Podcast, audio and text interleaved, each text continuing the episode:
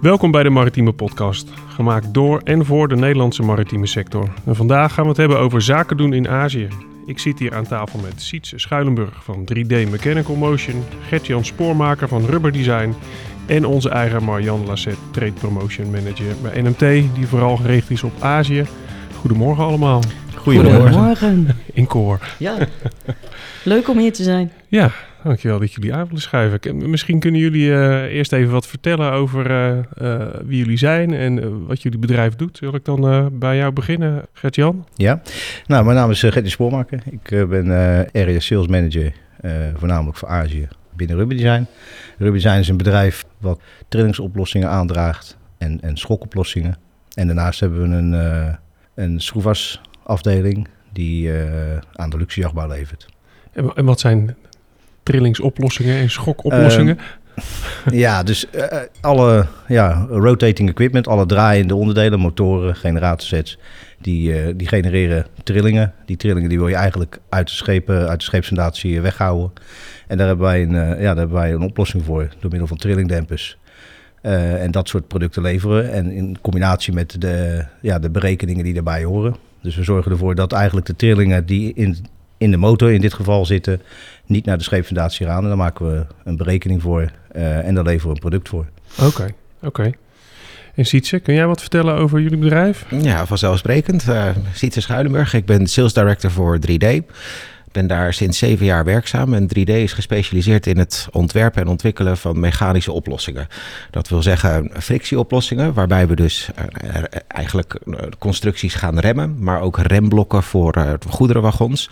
En we zijn eigenlijk nog beter gespecialiseerd in lager technische oplossingen, om vooral in de maritieme sector constructies te laten bewegen. En dat doen we middels composietmateriaal. Dus van oorsprong van oudsher eigenlijk is het staal op staal met heel veel vet. Wij doen dat met een composiet tussenlaag, waardoor vet overbodig wordt en je dus eigenlijk een hele duurzame oplossing gaat bieden. En op een hele gedegen manier zware constructies kunt laten bewegen. Betrouwbaar. Oké, okay, klinkt interessant. Dat is het ook, zeker weten. dus geen vieze handen meer met uh, vieze vet nee, uh, bij, bij voorkeur niet. Oké, okay, oké. Okay. Nou ja, en, en dan hebben we nog één gast aan tafel. Die hoeft eigenlijk geen introductie. Hoeveel jaar ervaring heb jij nu uh, bij NMT, Marjan? Ik moet even nadenken, maar exact uh, 17 jaar nu. Ik ben in 2005 bij uh, HME destijds en nu NMT gekomen. Oké, okay, en HME, want jouw vader is een van de oprichters hè, van HME. Ook, dat klopt. Die is in 1986 begonnen met acht bedrijven destijds. En uh, nou ja, je weet wat het nu is. We zitten nu meer met uh, meer dan 400 leden. Dus uh, daar ben ik wel trots op, moet ik ja, eerlijk zeggen. Ze is met een paplepel ingegoten. Nou ja, dat ook weer niet helemaal. Mijn vader had wel een maritiem bedrijf natuurlijk. Nauti Servo, deed ankerlieren, stuurmachines, alles hydrauliek, pneumatiek. Maar ik zag dat niet zo zitten. Dus ik, ben, uh, ik heb de hotelschool gedaan en ik heb de hele tijd in de hotellerie gezeten. Totdat in 2005 uh, een vraag kwam om uh, daar naartoe te gaan. Dus ik heb een lang gesprek gehad met Martin Bloem. Nu directeur van Drechtstede. Okay. eigenaar van Maarstraat. Maar nou ja, en ik zit er nu nog. Maar goed, ja. dat duurt nog maar heel eventjes. Nou ja, dat is ook een van de, de redenen dat we bij elkaar zitten. Hè? zoveel jaar ervaring. Binnenkort stop je ermee. Ga je van je rust genieten. Dus ik geloof dat je nog wel iets blijft doen. Maar ja, het leek ons leuk om eens te praten met, uh, met jou en met een ervaren lid Rubber Design. En dan ook uh, een lid wat ook graag zaken wil gaan doen in Azië. Om eens gewoon met elkaar van gedachten te wisselen van hoe is dat nou ooit begonnen en wat is er nou zo specifiek aan Azië. Dus wat, als we dan die vragen eens even beetpakken, Gert-Jan. Wat, wat is er nou zo specifiek aan Azië? Waarom zijn jullie daar ooit begonnen? Ja, wij zijn. Uh, Rubber Design is in, in 85 volgens mij voor het eerst naar, uh, naar Korea gegaan. En dat kwam eigenlijk omdat daar de scheepsbouw uh, ja, een grote ontwikkeling doormaakte. Er werden ja, vrij, vrij veel schepen gebouwd op dat moment. die gingen van, eigenlijk van de Japanse markt naar de Koreaanse markt. er waren een aantal motorleveranciers in Europa die gingen daar uh, motoren onder licentie produceren. En Rubber Design had een konische draagveer ontwikkeld... die uitermate geschikt was om, om trillingen te reduceren... maar ook eenvoudig in, in installatie, in gebruik. Ehm, ja, en daar hadden ze wel oren naar. Dat, dat wilden ze wel, wel zien. wat ik gehoord heb is dat... ja, er was wel even een discussie... gaan we naar Azië toe, want het is ver weg. ja, als, we, als we terug zijn horen we misschien nooit meer wat... en hebben ze het product gezien uiteindelijk zijn ze gegaan en uh, ja, uiteindelijk leveren we daar nog steeds. Dus ja. Het heeft nut dus- gehad. Het heeft nut gehad, denk ik. Ja, Ja. ja. Want, want ik zat een eh, artikeltje te lezen eh, van de NMT-website. Een interview wat we ooit eh, met jou hebben gedaan over, over zaken doen in Azië. En daar las ik ook iets in over een beetje pionieren in het begin. Is, dat ook echt wat er toen, hoe dat toen ging? Ja, zeker, zeker. Als ik voor mezelf... toen ik aankwam in, Su- eh, eh, in 95 ben ik voor het eerst naar Korea gegaan. En daar waren drie vluchten van de KLM die rechtstreeks op Seoul vlogen. Nou, toen ik daar voor het eerst aankwam zag ik inderdaad... eh, ja, eh, hele grote torenflats waar... eh, die allemaal op elkaar leken. Ze hadden allemaal een nummer van 1 tot, tot 35. Stond daar Hyundai of, of, of Samsung of Daewoo op. Met dezelfde voordeuren, dezelfde raampjes. Dus... ehm, eh, maar wij gingen door naar Busan. Daar is in, het oosten, zeg maar, daar zit de scheepsbouw. Hyundai zit in Ulsan en Samsung en Daewoo zit op Koshi Eiland. En van daaruit moesten we daar naartoe gaan, en vaak met een boot. Want er was nog geen echte verbindingen zoals die er nu zijn. Anderhalf uur varen en als het slecht weer was, moest je drie uur omrijden. Ehm, ja, en dan kwam je over de bergen aan en dan kijk je zeg maar op, op de werf. En dan zag je toch echt wel een, ja, je hoorde ook echt alle, ja, die geluiden zeg maar die bij een scheepswerf horen. En je zag daar heel veel productie. Eh, eh, ja, ze waren echt met heel veel schepen bezig. Eh, ja, je ziet daar gewoon een, een gigantische markt eigenlijk. Ja, ja, ja. Onontgonnen gebied voor eh, Nederlandse bedrijven. Ja, zeker, zeker, ja, Ja. ja. Is dat ook jouw ervaring, Marjan? Eh, Heb jij daar wel wat... Want ik begrijp ook dat dat een van de redenen is dat HME ooit is opgericht. Hè? Echt die eh, exportpromotie, heel specifiek met leden op, eh, op handelsmissie of naar een handelsbeurs gaan. Was dat vanaf het begin af aan ook gelijk Azië erbij of is het begonnen in Europa? Eh, het is al met name begonnen in Europa. Ehm, eh, maar ik heb natuurlijk de focus op Azië. Daar ligt ook mijn voorliefde. En ik denk dat je, als je goed zaken wil doen, dat je ook wel een voorliefde moet hebben. Dat je daar wel, zeg maar, eh, iets mee hebt met die regio. Dus Azië was voor mij, dat zit in mijn hart. Als ze mij naar Zuid-Amerika zouden sturen, zeg ik, nou, doe maar iemand anders. Ik hoef er niet naartoe. En dan gaat het ook niet lukken. Dus Nee. maar ik herinner me dat ik toen, eh, toen ik begonnen ben in 2005, toen ben ik eigenlijk vrij snel naar Vietnam vertrokken.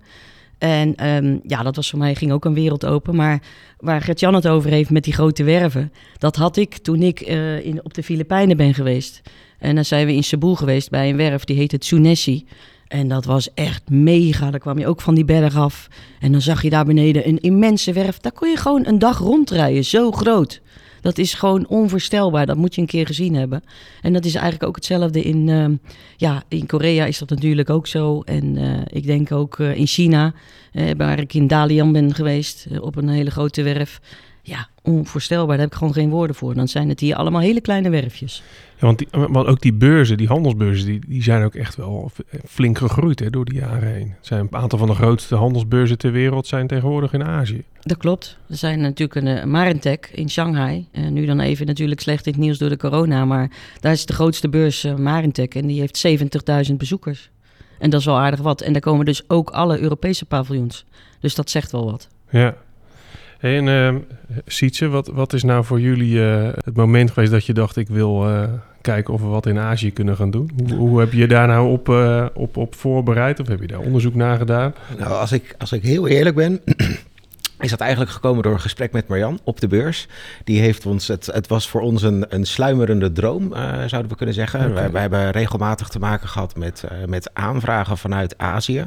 Of uh, de West-Europese partijen die een deel van het schip lieten bouwen in Azië en daardoor de equipment nodig hadden. Dus we, we snuffelden zeg maar aan de Aziatische markt. En eigenlijk na een gesprek met Marjan op de beurs werd dat, ja, dat, dat, dat sluimerende enthousiasme werd aangewakkerd. En dat heeft zich nu omgezet in, hey, we, we willen een concreet plan gaan ontwikkelen om echt stappen te gaan maken om Azië te ontwikkelen. Om daar echt iets te gaan doen. Maar wij ervaren daar wel obstakels in. Laten we het, uh, laten we het zo uitdrukken. Ja. Wat voor obstakels? Uh, de, de, de, als wij te maken in tendertrajecten zitten, dan is de ervaring die wij tot nog toe hebben, is dat er heel veel vragen gesteld worden. En dat gaat alle kanten op. Dus vandaag krijgen we een vraag, daar geef je netjes antwoord op. Morgen heb je er drie terug. En dan veranderen er eigenlijk allerlei specificaties en parameters veranderen nog in dat traject. En dat is, dat is voor ons het stukje wat een beetje aan, aan Azië kleeft nog. Okay. En wat we heel graag om willen zetten naar hey, hoe kunnen we dit uh, toekomstig beter doen? Want die vragen komen ergens vandaan. daar moeten wij iets in veranderen in onze houding richting, uh, richting Azië. Oké, okay. Gert-Jan, herken je dat? Ja, dat herken ik zeker. Dat herken ik zeker. Het is inderdaad wel, Azië is natuurlijk heel groot. Ja. er zitten echt wel verschillen tussen of, of, je met Japan zaken doet, of dat je in China zaken doet, of in Korea. Wat ik inderdaad in Korea gezien heb in de afgelopen periodes, uh, is dat er heel veel vragen komen. Ook vragen waarvan je denkt, oké, die zullen toch wel duidelijk zijn. Ja. Uh, ze vragen gewoon, ze zien je als specialist.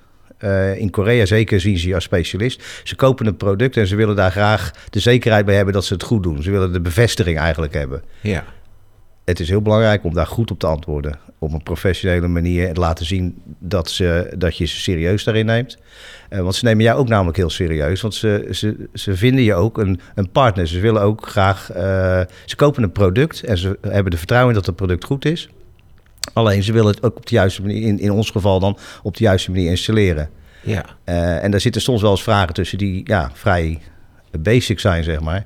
Maar het is juist belangrijk om ook die vragen goed te beantwoorden.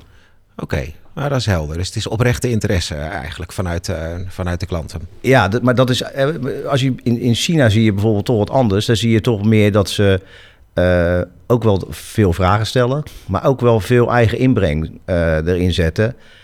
En dan kan het soms wel eens een keer een verkeerde interpretatie zijn. En dan is die inbreng, ja, geeft vaak wat minder effectief aan het product, zeg maar. Dus dan, ja, dan moet het weer hersteld worden. Dus ja, je ziet in dat eh, Japanners, Koreanen, die zijn wat conservatiever. Die willen graag dat, dat die zien ook dat uh, de leverancier daarbij betrokken moet worden. In China zie je dat soms wat minder. Dat ze zeggen, nou, we weten zelf ook wel een beetje wat we moeten doen. Ja. Uh, dus daar is het ook wel zaak om, om erop te blijven hameren en te kijken hoe, hoe gaan ze dat dan doen. Zelf even vragen van, joh, hoe is de constructie? Uh, hoe ziet dat eruit? En daar hebben wij ook een aantal keer geprobeerd om de, om de vragen te bundelen. En dan uh, te zorgen dat er een soort uh, meeting op afstand plaatsvond. Uh, Teams is natuurlijk de afgelopen paar jaar een heel handig middel geweest daarbij om eigenlijk te laten ontstaan dat al die mensen die vragen stellen in, in één gezamenlijke meeting de, vragen op tafel kunnen, kunnen leggen. Daar zetten we dan van ons uit techneuten tegenover die ook echt op detailniveau die vragen kunnen beantwoorden. In een poging om het te bundelen. Omdat, de, ja, als ik het zo uit mag drukken, de wildstroom aan e-mails die soms binnenkwam, dat konden er 20, 30 op een dag zijn, met iedereen die een deelvraagje stelt, dat, dat geeft ons in ieder geval toch het gevoel van laten we dit nou centraal doen. Want dan hoort iedereen uh, welke kant het op gaat bewegen. En dan worden de volgende, vervolgstappen waarschijnlijk een heel stuk duidelijker. Is dat een juiste aanpak? Of zouden we juist elk van die deelvragen apart moeten beantwoorden, zodat we eigenlijk het respect naar iedereen die vragen stelt teruggeven? Nou, ik denk dat op het moment dat je met een project echt bezig bent, dat zo'n teamsmeeting zeker helpt. Hè. Wij hebben dat ook als echt projecten uh, in een lopende fase zijn. Dus dat de producten zijn aangekocht en dat ze met de installatie bezig zijn. Dan is het zeker verstandig om door middel van dat soort meetingen uh, met mensen één op één in gesprek te gaan. En, die, en zeker die detailvragen goed te beantwoorden. Ja. En dat kan, met, dat kan met een hele groep uh, mensen, dat je elke keer een, een deel van het probleem beetpakt en bespreekt. Nee, dat kan zeker met teams. En ja, dat is in deze afgelopen jaren natuurlijk een vogelvlucht genomen. Ja, ja dat, dat, was, dat is een prettige manier om het aan te Het is een hele prettige manier om uh, op projectmatige manier uh, met elkaar in gesprek te gaan. Hè, de acquisitie is een hele andere, andere fase. Maar helpt het ook om uh, dat soort vragen? Ik kan me voorstellen dat het helpt als je ook op een beurs bent, dat, dat je dan persoonlijk contact hebt met mensen die dan dat misschien de kou al uit de lucht is. Dat ze die vragen niet eens meer stellen als je dan op zo'n beurs bent. Ja, maar, maar ik zie twee, eh, twee fases. De fase is als het product is aangekocht en wordt ingebouwd. Dan zijn er vaak detailvragen die echt zeer specifiek zijn. Hoe moet ik het inbouwen? Wat voor constructie heb ik nodig? Daar helpt Teams heel erg bij. Want op het moment dat je uh, een aantal foto's erop zet en je gaat dat bespreken, dan helpt dat op een bus. Daar ga je elkaar ontmoeten en dan ga je elkaar in gesprek. Hoe is het gegaan? Hoe is dat project gelopen? Hebben jullie dat als prettig ervaren? Hebben jullie, is het resultaat wat jullie ervan verwachten?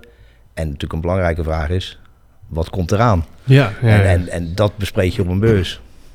Oké. Okay. Hey, Marianne, hoe, uh, hoe moet hoe oriënteren op, ja, op Azië? Want Azië is, uh, Gert-Jan zei het al, dat, je hebt China, je hebt Japan, je hebt Korea. Het is natuurlijk heel breed. We hebben het over Azië, terwijl in Europa, dan zijn we altijd heel gericht op landen. Azië, dat zien we als een soort één gebied, maar wa- wa- waar moet je nou zijn? Nou, ik, ik heb al tegen Sietse gezegd, ik heb toevallig verleden week bij hem eh, samen met Evi, omdat ik die natuurlijk moet inwerken, een bedrijfsbezoek gedaan. En ik heb voorlopig gezegd dat hij zijn eh, pijlen moet richten op eh, Singapore, Maleisië en wellicht Indonesië. Omdat ze daar, IRC gaat ook een schip bouwen eh, bij een werf op Batam. Waar ik nog bezig ben om nog een missie te organiseren in november. En aansluitend is daar een beurs eh, Osea in eh, Singapore. Ik denk dat dat voor uh, Siets eh, belangrijk is. Kijk, het feit dat ik hem ben tegengekomen op de SMM-beurs. Ik was helemaal nou ja, weg van hun stand met alle spullen die er stonden. Ik zei, joh, jij staat hier helemaal verkeerd in Europa. Jij moet, jij moet in Azië zitten. Daar moet je naartoe. Ja, dat was zo mooi. En nou uh, ja, zijn ze toch wel een beetje bezig om, om die, die uh, shift te maken. Maar we hebben ook nog een goed gesprek gehad om te kijken of hij toch nog meeging naar EPM in Singapore. En, maar mijn contactpersoon van Jan de Nul was uh, toen destijds die week dan in, in het Verre Oosten, of sorry, in het Midden-Oosten. En ik heb tegen Siets gezegd, ja, ik durf het niet helemaal aan. Dit is niet weer de eerste beurs na de COVID. Stel dat het jou niks, uh, ja, dat, het niet, dat er niks uitkomt, dan voel ik me niet goed. Dus maar ja, achteraf ja. had het toch misschien wel gekund, omdat er best wel veel bezoekers waren. En hele goede bezoekers, kwalitatief heel goed. Dus uh, de beurs was gewoon goed. En ja, ik hoop dat er wat uit gaat komen voor Siets. En, en, want je bent nu naar een beurs geweest? Nee, nog niet. Oké. Okay. Ja, dat, dat was het plan. Het was een, een last-minute plan, dat wel. Maar we hebben serieus gekeken, is dit nog een optie? En eigenlijk was na het overleg met Marjan... hebben we daar op het laatste uh, ja, toch niet aan meegedaan. Oké. Okay. En nou ja, achteraf bezien is dat een spijtige beslissing geweest. Want het, het was dus een goede beurs. Hij werd goed bezocht en, er, en kwalitatief goede bezoekers, heb ik begrepen. Jij was er ook bij? Ik, uh, ik was erbij, dat klopt inderdaad. Ja. Uh, het waren veel uh, mensen uit Singapore. normaal gesproken is in EPM is voor de Singapore ja, werven en klanten. daarnaast Maleisië en een stukje Indonesië die daar vaak samenkomen. Ja. nou, in, vanuit Indonesië was het lastig om te komen. Vanuit Maleisië ging het wel, zag ik nog wel wat mensen. Maar ja, uh, het was een goede beurs. We hebben iedereen, en het leuke is ook, iedereen vindt het weer fijn om bij elkaar te zijn, om elkaar te ontmoeten, want dat is wat je doet. Ja. Uh, dus daarom was het zeker een goede beurs. Ja, want dat is wel uh, Europa, Azië, dat is wat je overal hoort. Hè? Dat iedereen echt weer zo opgelucht is dat ze weer op een beurs staan, dat mensen weer gewoon persoonlijk contact hebben. Ja. Gewoon alleen maar, nou ja, lovende reacties. Eigenlijk op alle beurzen waar we tot nu toe gestaan hebben. Ja. Ja, dat was ja. eigenlijk ook verleden jaar. Toen uh, heeft Rubber Design ook meegedaan uh, toen we Core Marine deden. Dat okay. was nog wel met een hoop papierwerk en PCR-testen, stokken in je neus tot uh, niet meer. dus dat was ook wel uh, wat. Maar we hebben, het, hebben een super week gehad. En uh, jullie stonden daar en die zei ook van... nou, als het zo doorgaat, Jan, hebben wij meer leads dan twee jaar geleden... toen er geen corona was. En ja. dat was natuurlijk heel mooi, want de werven kwamen gewoon zelf. Die waren zo enthousiast om die mensen al die equipment supplies weer te zien. Face-to-face -face werkt gewoon het beste in Azië. Als je ergens naartoe wilt en je wilt iets ja, zeg maar optuigen en je wilt iets bereiken, moet je daar gewoon naartoe. Dat is het enige wat, uh, wat geldt. Ja. Dat, is, dat is dus nog belangrijker dan in Europa. Zeker weten. Echt ja, dan. denk ik wel. Ja. Ja. Het is, dit, maar het is sowieso belangrijk om mensen te ontmoeten. Mensen moeten vertrouwen hebben. Ze kopen iets bij je, ze verwachten daar wat van. Uh, en het, het belangrijkste is om dat vertrouwen te geven. En, en daar willen mensen een gezicht bij hebben. Die willen, als er wat is, willen ze iemand kunnen bellen. Ja, uh, ja een contactpersoon. En ja, dat is met alles. Als je elkaar kent en elkaar gezien hebt, dan heb je daar vaak een beter gevoel bij. Nou, nou lees ik in al de, want wij schrijven als NMT, uh, we maken filmpjes en we, en we schrijven artikelen over uh, hoe dat dan geweest is op zo'n beurs. En overal zie ik dan uh, opmerkingen van leden, nou, we hebben heel veel contacten opgedaan, ik heb helemaal een boekje zit vol. Maar hoe gaat dat nou? Je hebt je boekje vol en, en, en wat dan? Hoe, hoe volg je dat nou allemaal op? Ga je ze allemaal een mailtje sturen of, of ja. wat? Ja, wat wij doen is, uh, wij hebben een, een basic bezoekrapport. Dus als we een gesprek hebben gehad, schrijven we er even kort op van waar hebben we het over gehad. Uh, en die mensen die bedanken we. En als het specifiek over iets gaat waarvan meer informatie nodig is, dan sturen we dat mee en dan vertellen we daar wat over. Uh, dat is de eerste opvolging. maar goed, als je naar een beurs gaat of je gaat naar een handelsmissie, is een, he een, hele goede stap om te nemen. Het is heel belangrijk. Ik vind je krijgt een goed inzicht in, in de markt. Zeker de handelsmissies, die vond ik altijd heel erg goed. Omdat je dan even kan kijken van joh, hoe gaat het daar nou eigenlijk in dat land? Uh, wat voor werven zijn dat? Uh, de NMT uh, die, die regelt dat heel goed. dus je kan heel snel kan je zien, oké, is dat wat voor mij? Zijn dat werven die aansluiten bij mijn producten? maar daarna is het een nieuwe ticket boeken en zelf er naartoe gaan met die mensen verder in gesprek. Dat laatste, dat is, als je succes wil hebben, is, is dat echt een, eh, ja, iets belangrijks. Uh, ga terug. Ja, dat is een hele belangrijke stap. Ja, eigenlijk moet je het zo zien uh, dat wij als NMT zeg maar de voet tussen de deur zetten. Dus jullie de mogelijkheid geven om contacten te krijgen en contacten te leggen. Want je krijgt natuurlijk visitekaartjes. En dan daarna is het aan het bedrijf, individueel, om dat op te volgen. En als je dat goed wil doen in Azië, dan moet je gewoon terug. Je moet, je moet terug om je gezicht te laten zien en te laten zien. Hè? Als je denkt van, oh, ik heb een kaartje, nu ben, ik nu ben ik binnen. Zo is het niet. Je moet daar echt een relatie opbouwen. Je moet de tijd insteken. En ik denk dat je dat zeker twee tot drie jaar gaat kosten. Je moet wel uh, echt, maar als je dan die relatie hebt en die vertrouwensband, dan zit je gebakken en dan uh, gaat het goed komen. Oké, dus ik hoor nu uh, de, de, handelsmissie erbij komen ten opzichte van de beurzenet. Is een, is een handelsmissie eigenlijk de meest logische stap om in eerste instantie te zetten? Om die, om die feeling te krijgen bij wat speelt er op de, op de werven, op de, de marktspelers al daar? Ja, ik denk dat het, um, ik moet wel zeggen, in, in het begin hebben wij heel veel missies gedaan. En dat doen we natuurlijk altijd ook in, in uh, samenwerking met of de Nederlandse ambassades of de consulaten daar. Of de NBSO's, die allemaal, dat is Netherlands Business Support Officers zijn dat. Die zitten in China. En of dat nou in Wuhan is, of in Nanjing, of in uh, Qingdao. Uh, die helpen je met het opzetten daarvan. Ik heb in 2019 nog een missie gedaan en die was zeer succesvol. En ja, eigenlijk kan je dan, kom je dan eigenlijk bij die grote werven binnen. En dat is ja, natuurlijk mooi om te zien. Maar ook voor jullie om te kijken van, nou ja, is dit wat voor ons? Net zoals wat Gert-Jan zegt. En moeten we daar follow-up aan geven? Ja. En zo ja, ja. Dan is het weer uh, ticket boeken en, uh, en gaan er naartoe. is eigenlijk een eerste kennismaking op een handelsmissie. Ja. Daar uh, goed uit, uit filteren wat, wat de partijen zijn met waar de kansen liggen.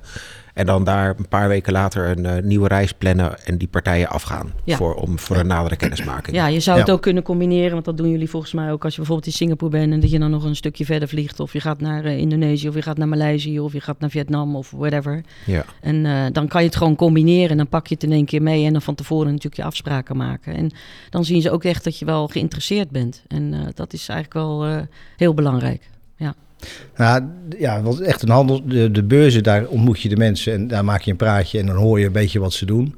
Uh, maar bij een handelsmissie, dan zie je ook daadwerkelijk de werf en ja, je ziet ook echt wat daar gebeurt. Ja. Dat is natuurlijk, het geeft een beter, uh, ja, beter beeld eigenlijk over, ja, wat zijn ze nu aan het doen daar? Hoe ver zijn ze? Wat voor producten gebruiken ze? Ja. Um, ja, dat is echt wel een groot verschil, vind ik. Hey, hoe, hoe werkt dat nou met zo'n handelsmissie, Marian? Hoe, bepalen we nou vanuit NMT uh, waar we op naartoe gaan op handelsmissie? En, en, hoe pak je dat dan aan? Nou ja, eigenlijk heb ik in, en moest ik kijken, toen ik net wel bij HME was begonnen, heb ik vrij veel handelsmissies gedaan in Vietnam. Hebben we om de twee jaar gedaan. En dat hebben we ook gedaan bij de Filipijnen en Maleisië. En ja, dan blijf je, blijven ze in ieder geval je gezicht zien. En dan denk je, oké, er komt weer een Nederlandse delegatie. Um, ja, en dan schrijven er ook altijd wel mensen in. Maar ik ben, uh, ik moet niet een te grote groep hebben. Die voor Maleisië was een hele grote groep. Daar had ik 20 man. En eigenlijk is dat te veel. Ja. Eigenlijk moet je maximaal 10 tot 12 bedrijven hebben. En ik heb ook nog een keer een TER gedaan. Dat is een Technology Exchange Roadshow. En dat staat eigenlijk voor dat je dan met een klein groepje, maximaal zes bedrijven, naar de raiders gaat. Oké. Okay. Daar was jij volgens mij ook een keer bij. En daar ja. ga je dus dieper in discussie. En toen wij bij, ik had toen uh, geloof ik in Singapore heb ik dat gedaan bij Toom Shipping. En die man zei, nou, ik heb nog nooit zo'n fantastische meeting gehad. Want dit is echt wel heel dedicated. En dat je echt weet, dan ga je echt wel op, het, uh, op de materie in. En uh, ja, dat was wel ook wel heel goed om, om te doen. En dat is iets anders dan beurzen. Maar ja, missies en, en beurzen zijn wel de twee dingen om uh, zeg maar in contact te komen met, uh, met de landen en de bedrijven en de, de werven. En dan, dat je precies weet hoe, hoe, de, hoe de vork ervoor staat. Uh, is, er, is er nou nog iets wat op stapel staat qua handelsmissies richting Azië? Um, ik ben nu nog bezig om een, iets voor te bereiden voor een missie naar ehm, Indonesië. En dat is Surabaya en Batam. Oké, okay. en wanneer kunnen leden daar meer over uh, Nou ja, ik, uh, ik ben nu bezig om, om het format te maken, dus daar ben ik heel druk mee. Dus ik, uh, en, en, ik geef dat dan over aan Evi en dat valt ook onder de PIB Indonesië. En dat zou ergens in november dan moeten zijn. Dus ja, ik hoop wel binnen, de, binnen de tijd voordat ik zeg maar NMT ga verlaten. Ja. Maar, de, de, de afkortingen vliegen me alweer om de oren. PIB Indonesië, kun je er iets over uitleggen wat partners, dat is? Partners for International Business, dus dat okay. is eigenlijk een privaat-publiek, ja, zeg maar overeenkomst die wij hebben met de RVO en, en dan de bedrijven.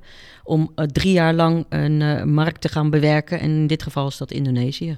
We zijn, zitten nu al in het derde jaar, maar goed, we hebben, zijn natuurlijk een beetje stilgevallen vanwege corona. Maar het eerste jaar zijn we goed van start gegaan. En het is eigenlijk meer om Nederland op de kaart te zetten en om meer samen te werken met, uh, met de Indonesische bedrijven. En waar we nu een goede input geven en krijgen van de in IPERINDO, dus de wervenorganisatie, en de INSA, de Ship Owners Association. Oké. En doen jullie daar ook aan mee, Jan, aan die PIB Indonesië? Nee, daar doen wij niet aan mee. Uh, maar de missie naar, naar Batam, daar zijn we zeker in geïnteresseerd. Er uh, zijn veel connecties tussen Singapore en, en, uh, en Batam. dus, ja, en ook omdat er natuurlijk weer schepen gebouwd gaan worden. En dat ja. onlangs IAC natuurlijk een overeenkomst MOU heeft getekend met Valians. die op een werf gaan bouwen in Batam. Dus dat had ik al, ook al doorgegeven aan, aan Siets. Oké. En nou hoor ik, uh, die hij geeft aan van nou, die heeft daar een opdracht en die heeft daar een opdracht. Nou, tegenwoordig is het allemaal heel makkelijk uh, te vinden op internet. Hoe, hoe, ging dat vroeger? Hoe ging je nou als rubberdesign? Uh, ja. dacht je nou van nou, dat is een interessant scheepsbouwland? Ja, dat was, dat was anders. Dat was toch inderdaad. Uh, en dat, daarom waren de, de beurzen eigenlijk wel heel erg geschikt. Want daar kwam je bij elkaar. Verschillende bedrijven met verschillende producten. Maar wel voor die markt. En ja, met elkaar praten. Zeker s'avonds na de beurs. Dan gingen we met elkaar wat drinken. Maar je ging ook een beetje praten. Hoe doen jullie dat? En wat, hè, wat, wat loopt er? Wat, wat zien jullie? En, en ja, zo deed je eigenlijk een beetje netwerken. Uh, ja, met andere Nederlandse bedrijven. Om, om te kijken van, nou, waar moeten we nog, waar, waar zitten we nog niet? Hè, bij de klant waar je zit, daar hoor je wel wat er gebeurt. Maar er waren nog veel meer klanten. En ja, en, en de, de, de conculega's die mee waren, vonden dat geen probleem om die informatie te delen? Ja, nou, dit, het zijn niet altijd conculega's. Het zijn, het zijn collega's die uh, uh, ook een product willen verkopen, een ander product dan dat jij verkoopt, ja. uh, maar wel bij diezelfde werf. En die kunnen wel zeggen van, joh, nou ja, dit soort schepen worden daar gebouwd, of voor die eigenaar zijn we nu bezig. Ja, dat doet elkaar geen kwaad. je kan elkaar daarin versterken. En ik denk dat de NMT daar een, een, goed voorbeeld is. Het is een vereniging van allerlei ja, scheepsbouwers, maar ook toeleveranciers, die met elkaar iets kunnen bereiken. En, en dat denk ik dat het heel sterk maakt. En ik denk dat we daarom ook mooie locaties hebben op beurzen.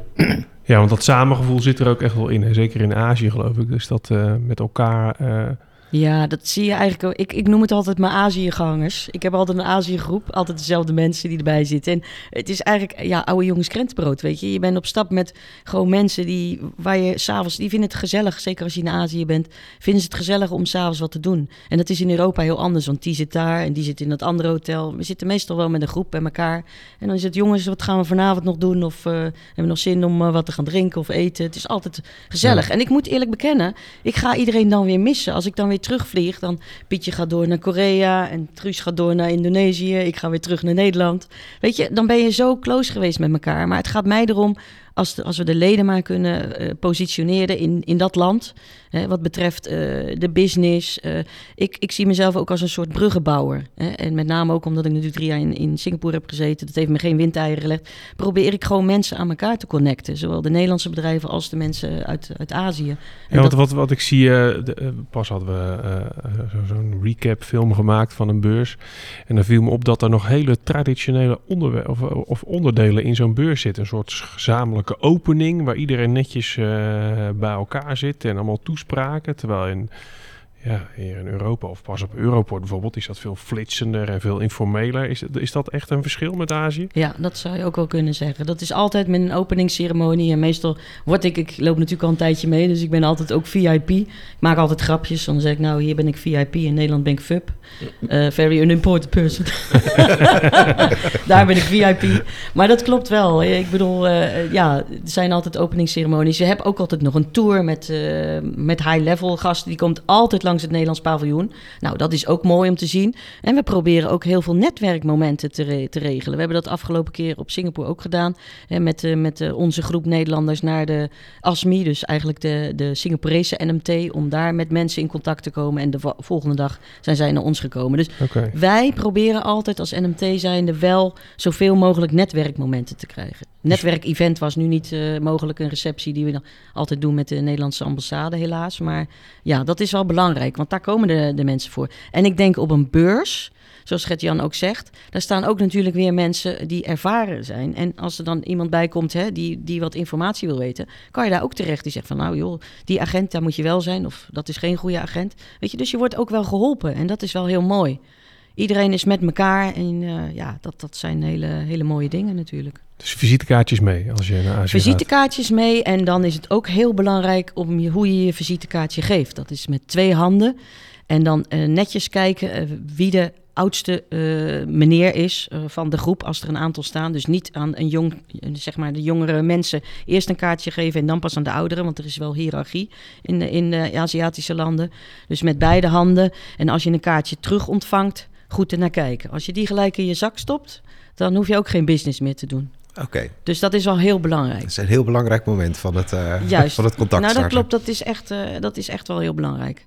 Want dat zou anders wel eventueel negatieve gevolgen kunnen hebben voor, uh, ja, zeg maar voor de verdere samenwerking. Dus ik kijk ook altijd heel, heel, heel, duidelijk naar een kaartje, zowel de voor- als de achterkant. En dan spreek ik diegene nog netjes aan. En als je daar later dan een relatie mee op hebt gebouwd, hè, dan zou je als je uit Nederland een keer een leuk geschenkje mee kunnen nemen. Iets, iets typisch Nederlands, iets van uh, Dels Blauw. Of, het is maar iets, hè, gewoon iets kleins, maar dat zegt wel wat. Ja. Ja, drop doet het heel goed. Drop doet het ja, heel goed. Nou, niet altijd. Voor de Chinezen okay. niet. Die vinden het vies en die ja. spugen ze in de palm, uh, palmbomen. Ja. En de stroopwafels, hoe doen die het? Ja, die, die gaan ook goed. Maar met name bij de Nederlanders ja. zelf. Maar de stroopwafels doen het ook goed. Ja, maar eigenlijk uh, kun jij zonder zorgen mee, Sietse. Ja, als ik het zo uh, hoor. Is de het, leden helpen elkaar. En um, de trade managers van NMT, die, die doen hun best. Dus wanneer, wanneer ga je? Ik hoop uh, op korte termijn. Ik heb nog geen exacte datum, maar... Wat, wat staat er op stapel Marjan? Waar zou die zich voor in kunnen schrijven? Nou, ik heb nog wel... Uh, even kijken, ik moet even goed nadenken. Uh, we hebben nog de OSEA-beurs staat nog gepland in Singapore. Uh, van 15 tot 17 november, als ik het uit mijn hoofd zeg. En de IMEX China van 1 tot 3 december in Guangzhou. Oké, okay, en hoeveel, en, hoeveel plekken zijn er nog beschikbaar? Nou, volgens mij uh, staat er al wel wat op de website, maar het is, staat nog geen prijzen bij. Dus dan is het nog een beetje lastig. Maar goed, we zijn met de begrotingen bezig, dus dat zal uh, eerdaags wel op de website moeten. Oké, okay, en als Sietse dan bedenkt, nou ik ga mee, uh, wat, wat moet hij dan doen? Zich goed voorbereiden natuurlijk. En uh, ja, zorgen. Spulletjes zorgen, mee, hoe gaan ja, we dat regelen? Nou ja, dat uh, gaat ook altijd via onze vaste transporteur in Peco. Dus die, dat wordt dan gewoon een gezamenlijk transport die, die meegaat. en die zorgen dan dat alle kisten daar staan. En wij eigenlijk, als de mensen met ons meegaan, dan ontzorgen we ze. Dus dan kunnen mensen zich echt focussen op de business. En wij doen alles wat eromheen. Ik vlieg al dagen eerder in om te checken hoe de opbouw is met de structuur, met de standbouwer. Nu zeker de afgelopen keer uh, met de nieuwe NL-design, uh, NL-branding. Maar dan kunnen ze zich echt gewoon ook wel uh, bezighouden met, uh, met de business. En ik, ik, als ik erbij ben, dan kan ik natuurlijk ook heel veel mensen voorstellen die ik ken. En dan pluk ik die. Hè. Er zijn de afgelopen weken, uh, of toen ik in Singapore was, ook mensen uit Maleisië voorbij gekomen en uit Indonesië. dus ja, dat, dat vind ik wel heel leuk. En dan ben ik niet de minste om te zeggen, nou, ik ga, loop je even naar die kant heen om eens even kennis te laten maken met dat of dat bedrijf. Dus je, kan, je schrijft je in en je levert je spullen aan en uh, je komt aan op de beurs en alles is geregeld. Eigenlijk wel. Het enige is dat je posters zou moeten aanleveren of design voor op je, wat je in je stand wil hebben. Ja, ja, en dan de kisten zorgen wij dat die er ook staan. Dus dan is het aankomen, kisten open. En uh, nou ja, Gert-Jan kan het vertellen. Ja, nee, het is inderdaad zo. Het is echt een groot voordeel, zeker in Azië, dat, uh, dat er een keurig nette stand staat. De, de, de, buitenkant. Nou, je moet zelf voor de inrichting zorgen, maar de, de kist staat altijd op de stand als je aankomt. Uh, ja, die moet je dan uitpakken en, en ja, alles netjes neerzetten. Maar voor de rest is het altijd uh, top geregeld. Dus, uh, ja, en normaal hebben we natuurlijk altijd uh, onze Hollandse koffie. Hè? Douwe Egberts, er komt ook iedereen altijd koffie lekker. drinken. De Duitsers en de Fransen, want die vinden de koffie lekker. En we hebben de kaas en de worst en, en, en, alle drankjes natuurlijk. Maar ja, dat is nu de afgelopen keer kon dat uh, helaas nog niet. Maar, eh, wat is nou het gekste wat je ooit hebt moeten verschepen? Of uh, blijft het allemaal binnen de perken qua spullen die meegestuurd worden door... Nou, ik, ik mag bijvoorbeeld geen drank verschepen. Dat, kijk, Joella, die heeft bijvoorbeeld, mijn collega heeft beurzen in, in, in Europa. En dan gaat het nog over de wegvervoer. En dan kan ze gewoon alle drank erin doen. Ik moet altijd boodschappen doen daar, want dit heb ik één keer gedaan en toen was al mijn drank eruit gehaald. Ja, maar ik bedoel qua spullen van, van als je een stand hebt en uh, weet ik veel, uh, je maakt uh, afsluiters en er moet een hele grote afsluiter mee. Dat, dat, kan, dat zou ook kunnen. Of? Dat kan wel, maar goed, dan moeten ze wel be, natuurlijk bij nadenken dat als, er, als die daarop moeten, dan moet er wel een, een soort vorkheftruc komen die dat allemaal wel dan neer gaat zetten. Ja, ja okay. dus ja, sommige mensen die doen gewoon minimaal posters en, en een, een klein ding erbij. Maar wat jij had staan vorige keer, ziet ze bij de SMM, dat was wel indrukwekkend. En dat zegt ook wat. In Azië vinden ze het fijn om iets te kunnen zien. Als jij alleen iets op een plaatje hebt, maar je moet ook iets kunnen zien. En dat doen zij ook goed, uh, Gert-Jan van Rubber Design. Gewoon een posters, uh, posterwand, maar ook spullen die ze verkopen op die tafeltjes zetten ze. En dan mensen gaan daar aan zitten en, die, en dan kom je aan de, in, aan de praat en dan ja, zijn ze geïnteresseerd en dan uh, van het een komt het ander. Ja. wat, nou ben ik nieuwsgierig. Wat had je dan staan? Was dat... We hadden een heel groot opengewerkt lager staan. Een, een, een bestaand onderdeel, wat ook op en neer beweegt. Maar dat is een, een staalconstructie van anderhalve ton. Dus die, dat vergt wel enige logistieke uitdaging om die op zijn plek te krijgen. Die, die staat en die blijft staan voor de rest van de beurs. Daar hoef je geen zorgen over te maken dat die verdwijnt of iets dergelijks. Oké. Oké. Maar het, is wel, het, het werkte wel goed als eyecatcher. En ik, ik heb inderdaad vaker gehoord van bedrijven die in, in Azië op een beurs gingen staan, die daar voor het eerst naartoe gingen met een paar postertjes onder de arm om maar duidelijk te maken: dit zijn wij. Hè? Dat, dat, dat, dat de start is eigenlijk. Een lager van anderhalve ton die kant op uh, vervoeren, dat voelt voor mij ook als waar. Dat is wel echt uh, een grote stap. Dat, misschien is dat er eentje op bij de tweede beurs uh, toe te gaan passen. Nou, je zou kunnen kijken om het nog 3D geprint te krijgen. Ja, dat zou ook nog een optie kunnen zijn. Ja. Maar dan heb je in ieder geval wat staan, weet je. Dat, dat zegt ook wel wat. En uh, dat is ook leuk. Sommige mensen willen ook allerlei, altijd, aan allerlei knopjes zitten. En dan, ja. uh, dan, dan dat, dat daagt gewoon ook uit. Hè? Ja, dat geldt overal. Dat merken, ja. wij, dat merken wij op de beurzen hier ook, op de Europoort. Mensen willen aanraken, willen voelen dat iets beweegt. Hè. Op, wij, wij, maken lageringen, dan willen mensen voelen dat dat een vloeiende beweging is. Wat je ook neerzet, er gaat altijd iemand aan zitten, bewegen. Het, dat, dat doet iets met mensen. Ja. Jij vroeg er net nog van wat was het raarste of wat, wat ik heb meegemaakt. ik moet wel zeggen, dat ik heb een keer een kist ingevlogen naar Japan uh, met Impeco. En toen kwam een kist aan in de beurshaal. En ik deed de deksel eraf en er zat helemaal niks in. Ze hadden gewoon alles eruit gehaald. Ik dacht dat ik helemaal gek werd. Zo. Dan word je echt gek. Ik had helemaal niks. Toen was ik wel een beetje in paniek. Dus toen moest ik daar, stand op moest ik koffiemachines regelen en alles wat ik nodig had. Oh, dat was jouw kist? Dat met, was mijn ja, persoonlijk, ja, dat was de kist van NMT. Maar daar hadden ze alles eruit gehaald, want dat mocht dus schijnbaar niet van de douane. Dus uh, ze hadden me, zetten mijn kist neer en ik deed die deksel open en er zat gewoon helemaal niks in. Toen kreeg ik bijna wel een hartverzakking. Dus sindsdien, als ik al die afgelopen jaren dat ik naar Japan ging, uh, heb ik geen kist meer. En dat is het voordeel als je meereist, daar merk je niks van. nee, dat is waar. Wat, Gert-Jan, wat is het gekste wat jij uit hebt meegemaakt in, in Azië? Het verbaast me wel eens dat, dat uh, en je zei het net ook al, van uh, de ceremonies. Toen dacht ik, ja, inderdaad. Maar het valt je op een gegeven moment niet meer zo op. Uh, dat je denkt, ja, dat doen die mensen zo helemaal. Dat hoort er helemaal erbij. Maar ja, ik ben, hè, toen we natuurlijk voor het eerst naar Azië gingen met stokjes eten, dat was nog wel te doen. Dat, dat ging wel goed op een gegeven moment. Na een, een paar jaar had ik dat onder de knie. Zonder echt veel rommel te maken. Maar toen ik een keer naar India ging, zat ik op een lokale werf. En daar is het gebruikelijk dat ze met de handen eten. Dat vond ik wel lastig. Ja. Daar had ik wel moeite mee. Dat, ik, uh, dan nog die hete rijst, dan gaan je vingers nou, helemaal nee, branden. Het is, het is meer een sticky... Uh, ja, het is natuurlijk niet gloeiend heet, want dan zie je dat, dat die mensen allemaal rode handjes hebben. Maar ik vond het wel lastig. Dus uh, de gastheer zag ook dat ik daar wel moeite mee had... hoe ik dat nou aan zou gaan pakken. uh, maar die had ook wel een oplossing. Die zei, ik, heb wel een, uh, ik ga wel even kijken voor bestek, een lepel. Nou, dat heeft hij gedaan. Dat duurde even. Er moest even wat gezocht worden toen kwam ik erachter dat het misschien beter was geweest dat ik toch met mijn handen ging eten. Maar ja, toen had ik die lepel al. Uh, maar goed, die remmers werken vaak uh, ook wel goed. Uh, zeker in, in, in ah, die was gewoon in de rivier gewassen, die, die lepel. Ik, ik, heb er niet naar gevraagd en ik wilde het eigenlijk ook niet weten. Toch is het een mooi land. Er zijn het hele aardige ja. mensen en is er ook best wel veel scheepsbouwactiviteiten. Oké. Okay. Dus... Ja, ja ook scheepsbouw. Zeker, ja, okay. zeker. Ja. Er zitten een aantal grote werven die echt wel... Uh, het is nu even wat minder. Volgens mij is er... Uh, ja, ze hebben daar best wel veel last gehad van uh, de, de pandemie. Maar we hebben, daar, ja, we hebben daar echt wel hele goede zaken kunnen doen bij een aantal grote werven. Ja. Ik, aan, het, aan het begin, ik heb, ik heb nog, een, uh, nog, een, nog een vraag die, die toch in mijn hoofd blijft spelen. Aan het begin hoorde ik je heel duidelijk zeggen dat er twee trajecten zijn. Een acquisitietraject en een traject op het moment dat iets verkocht is. Dus dat de klant eigenlijk installatie, kennis nodig heeft en, en technische informatie in gaat winnen. In dat acquisitietraject, en dat geldt dus ook voor beurzen en handelsmissies. Heb je daar wat meer de, de, de contactleggers, de commerciële mensen nodig? Of is het ook verstandig om daar technisch, een, een technisch specialist mee te nemen? Dat er in het voortraject eigenlijk al technische kennis face-to-face gedeeld kan worden. Eh, ja, dat is zeker handig. Want wat, ik, wat wij merken is dat eh, het gaat vaak over... Een, ze hebben een vraagstuk, een technisch vraagstuk... en ze hebben een probleem. En dat probleem willen ze oplossen. Daar zoeken ze een product voor. Zo gaat het in ieder geval in ons geval. Op het moment dat je laat zien dat je technisch weet waar het over gaat... en dat, je, dat ze het gevoel hebben van... hé, hey, die zou dat probleem wel eens kunnen oplossen... dan willen ze wel graag een keer extra spreken. Dan willen ze wel een keer uitnodigen, zoals het op een beurs gebeurt...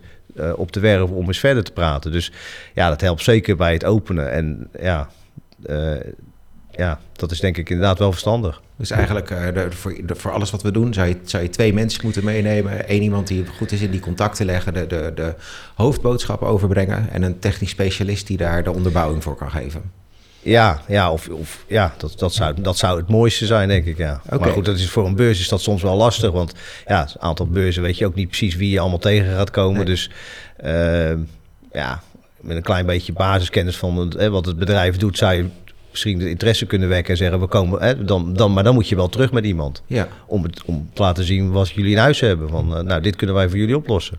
Nou, wij, wij, merkten, wij merkten op de, op de SMM-beurs, maar met name ook in Europort merken we altijd dat het goed is om op gezette dagen, de wat drukkere dagen, echt de technisch specialisten ook op de stand te hebben. Die, die vinden een, een beurs wat, wat minder interessant. Hè? Dat, dat kost energie, laten we het zo zeggen. Maar de uitwerking, als ze er staan, is wel heel goed. Daar komen klanten gericht op af, die komen gerichte vragen stellen en dan, dan wordt het vaak al, al veel sneller een inhoudelijk gesprek. Dus die, dat, is, dat is een van die vraagstukken waar ik nog wel eens mee rondloop voor Azië. Ga je daar naartoe en in eerste instantie contact te leggen? Of zet je daar meteen echt een technisch specialist naast om dat diepere contact met die klant te gaan leggen? Ja, nou, het, geeft zeker diepgang op het moment dat er een techneut is. Het ligt ook misschien ook wel een beetje per land uh, waar je naartoe gaat. Uh, ja. In China, daar zie je heel veel, ja, er komen heel veel mensen naar een beurs toe. Het is heel lastig om daar de goede uit te pikken. Daar zou je met een agent kom je daar echt wel, die heb je daar eigenlijk echt wel nodig om dat een beetje te selecteren.